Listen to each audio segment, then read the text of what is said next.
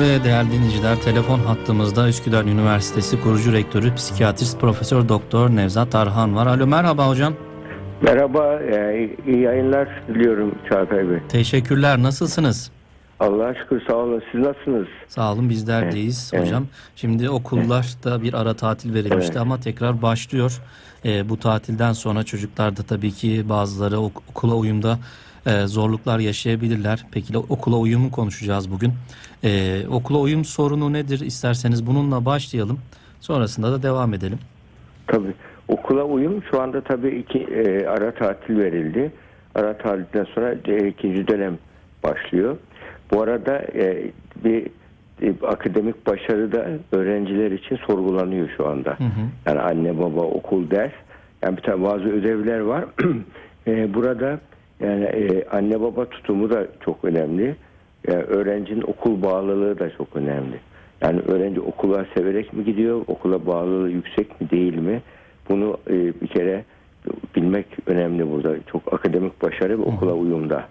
Yani okula bağlılık iyi ise okulu seviyor ama bazı korkuları varsa farklı bir şeydir.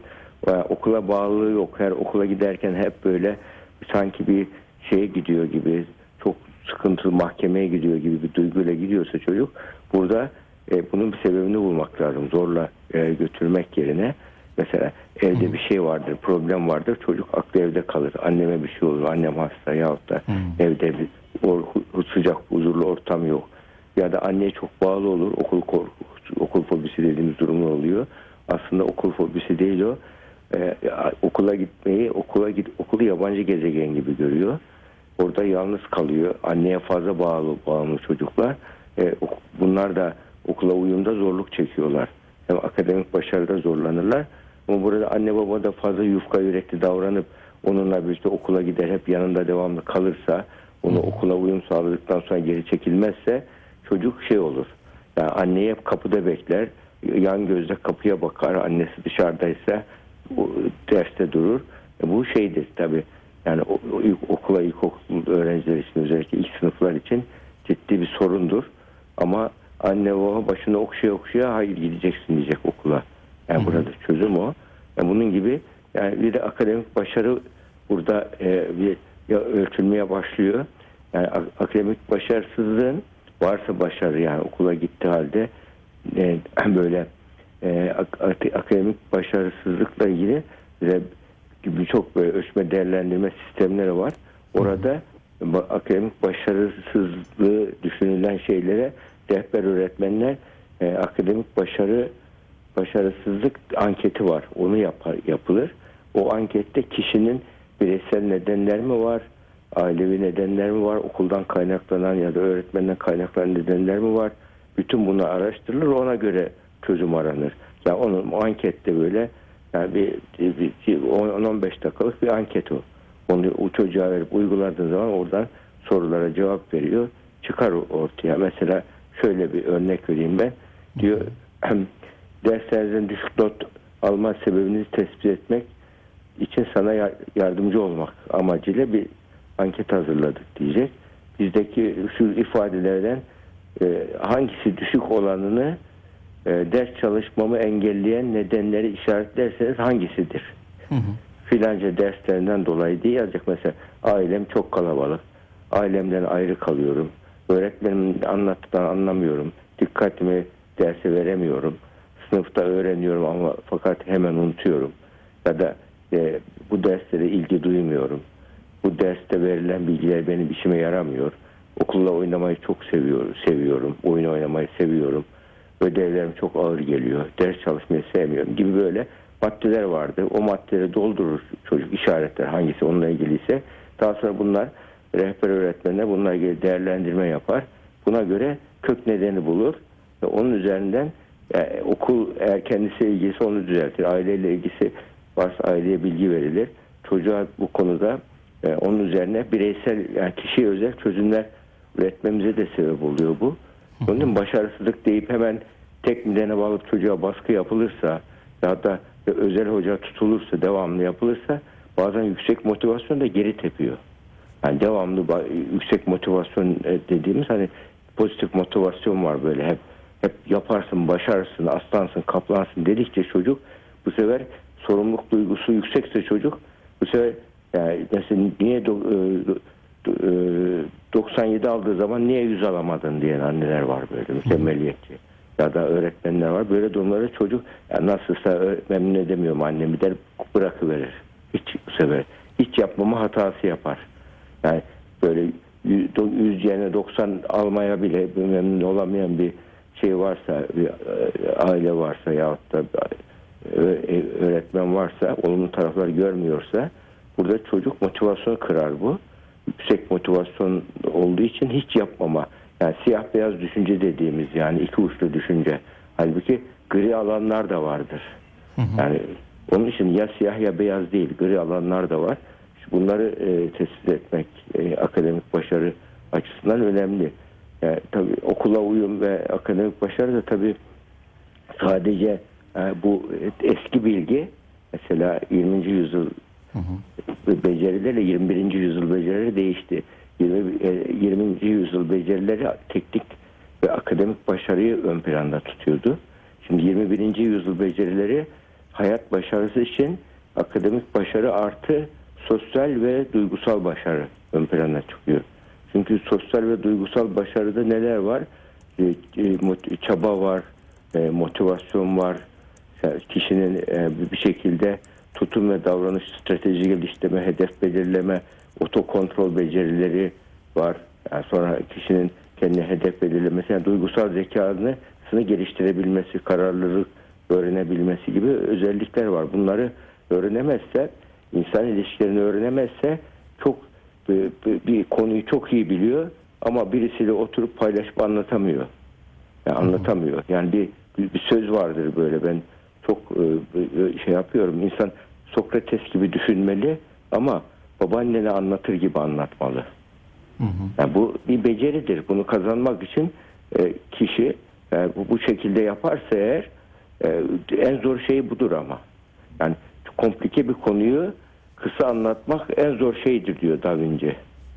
Mesela evet. komplike bir konuyu işte bunlar bu becerileri kazanmak, dil, dil anlatım becerilerini kazanabilmek önemli.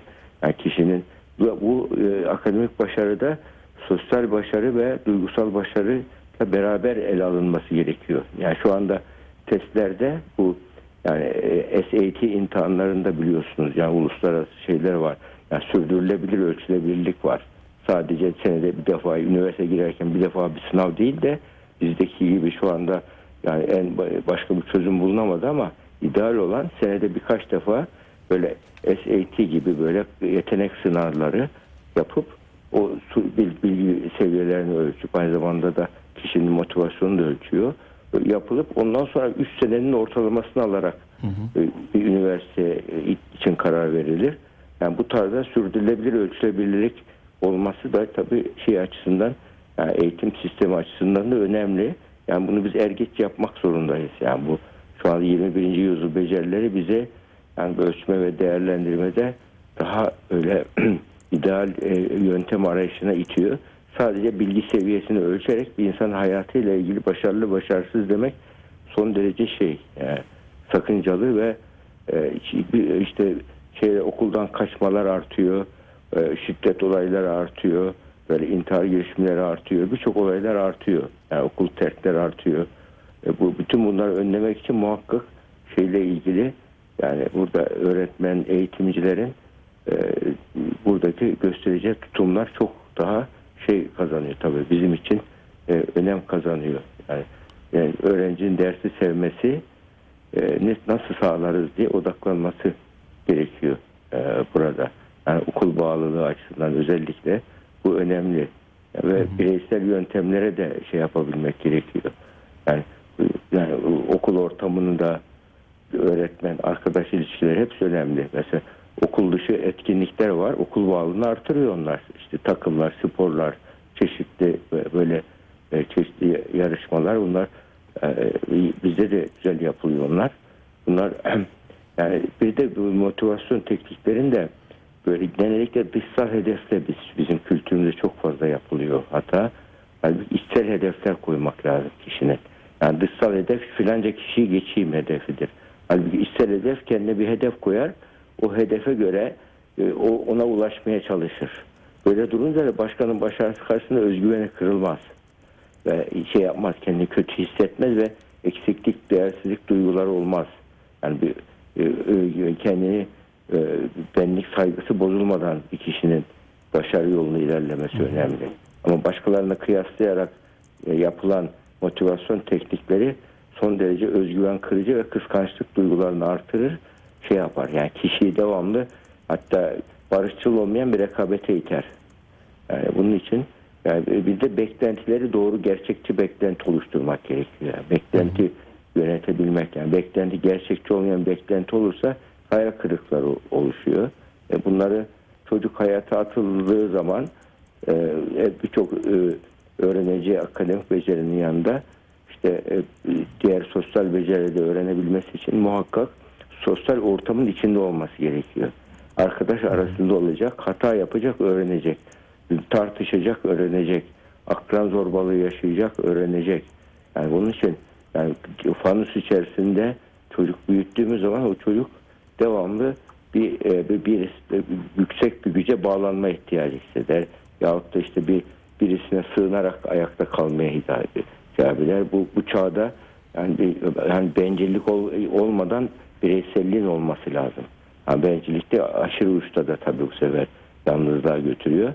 Yani kişinin yani hayır diyebilmesi bir entelektüel beceridir.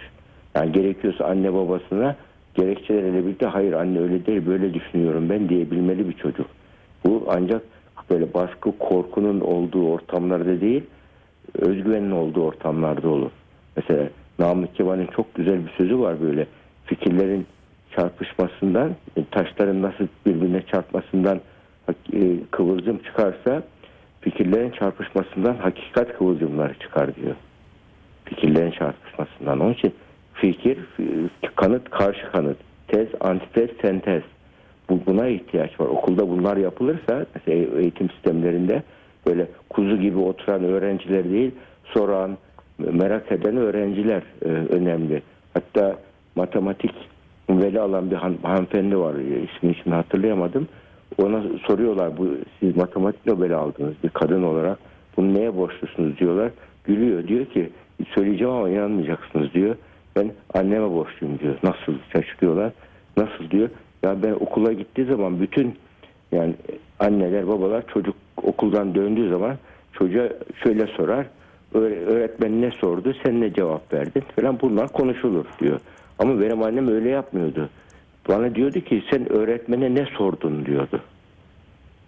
Yani öğretmene ne sordun? Yani o derece ki doğru soruyu sormak da önemli. Evet. Yani çocuğun özgüvenine akademik öz yeterliliğini artırıcı bir yaklaşım anneninki. Motivasyonu artırıcı bir yaklaşım. Sen yaparsın, başarırsın diyor. Ne sordun diyor. Çocuk giderken öğretmene ne soruyum ben diye düşünüyor sınıfta. Öğretmen bana sorar sormasın aman diye kaçmıyor. Tam tersini ben ne soruyum diye soruyor. Yani bu, bu özgüven artırıcı bir yaklaşım. Bizim anne babalarımız da öğretmenlerimiz de bunu e, sınıf e, akademik öz yeterlilik için ve şey için kişinin yani kendine özgüven kazanması ve kendini geliştirmesi için bu şey çok önemli. Benlik saygısı çok önemli. Benlik saygısını bir artırman tutum matematik Nobel'ine götürüyor kişiyi. Düşünebiliyor musun? Bu, onun için yani basit gibi gözüken bir şey e, bilinçli hayatını nasıl etkilemiş. Bu nedenle anne baba tutumlarla birlikte yani öğret bir de öğretmenin en güzel öğretmen şeydir. Öğretmenin kişiliğidir ya. Çocuk için öğretmen bak e, şey, önümüzdeki hafta e, eğitim e, öğretmenler haftası olacak. Yani burada çocuklar akademik başarısında o da çok şey önemli. Öğretmenin kimliği, kişiliği. Öğretmen özellikle ilkokulda çocuğun kahramanıdır. Anne babadan sonra iki, iki, ikinci şeydir ona dış dünyada. O öğretmeni sevdiği zaman çocuk dersi seviyor. Dersi sevdiği zaman da başarısı artıyor. Peki çocuğun ders sevmesi için ne yapması burada? Öğretmenin de öğrenciyi sevmesi önemli. Çocukları seven bir öğretmen olduğu zaman sevgiyle yaklaşan çocuklar da farkında olmadan dersi seviyorlar, öğretmeni seviyorlar. Yani öğretmeni şey gibi her hareketin neredeyse kutsallaştırır gibi e, şey yapıyorlar. E şimdi ilkokul öğretmenlerimiz onun için bizim hayatımız hep böyle e, gelişen ruhumuza tohumlar atmış kişilerdir. Yani çoğumuz unutmayız o, o e, bize rehberlik yapan o en şey dönemimizdeki okul ilkokul hatıralarımızı. Yani bu nedenle biz yani öğretmenin yani görev gerçekten kutsal bir görev. Yani gerçekten ve öğretmenlik sadece bir eğitim sınıf yönetimi yapan yani bilgi aktaran kişi değil. Öğretmen sınıf lideri ve aynı zamanda da bir e, sanattır öğretmenlik. Sadece bir eğitim değil sanattır ve çocuğa nasıl bir bitki diktiğiniz zaman e, ona bir can suyu lazım. Çocuğa okulda can suyu verir öğretmen. Hayata tutunmasını sağlar. Sınıfta böyle işte e, şeyleri başarısız olan öğrencileri biraz önce söylediğim gibi yöntemlerle, sorularla araştırarak onların başarısının nedenini bulur. Bir de şey var yani bir çoban da mesela bir çoban bile e, şey, e, böyle sürüye baktığı zaman ki iyi çobanlar sürüde topallayan hasta olanı hemen anlarlar bir bakışta. Hayvanı anlarlar ve oradan onun tedavisini seçerler. Çünkü dili yok ki onların. Yani onun için çocuk da çocuklar da ilkokul çocuk özellikle onlar anlatamaz dertlerini. Susarak, küserek ya da işte ya da davranış bozuklukları yaparak altına kaçırarak falan tepki verirler. Yani bunların bir şeydir aslında yardım çağrısıdır onlar için o anormal davranışlar. Evet. Cezalandırılacak bir şey değil yardım çağrısıdır. İşte bunları anlayabilmek tabii yani eğitimcilerin şeyi yani e, tecrübesiyle de yakından ilgili ama bunlar e, akademik olarak da tanımlanmıştır. Yani şey, e, başar, başarısızlık nedenleri anketi gibi anketlerle rahatlıkla her eğitimci bunu biliyordur eğitim fakültelerinde yetişenler. Ya ben öğrencilik yıllarında biliyorum öğretmen okulları vardı, öğret yüksek öğretmen okulları vardı.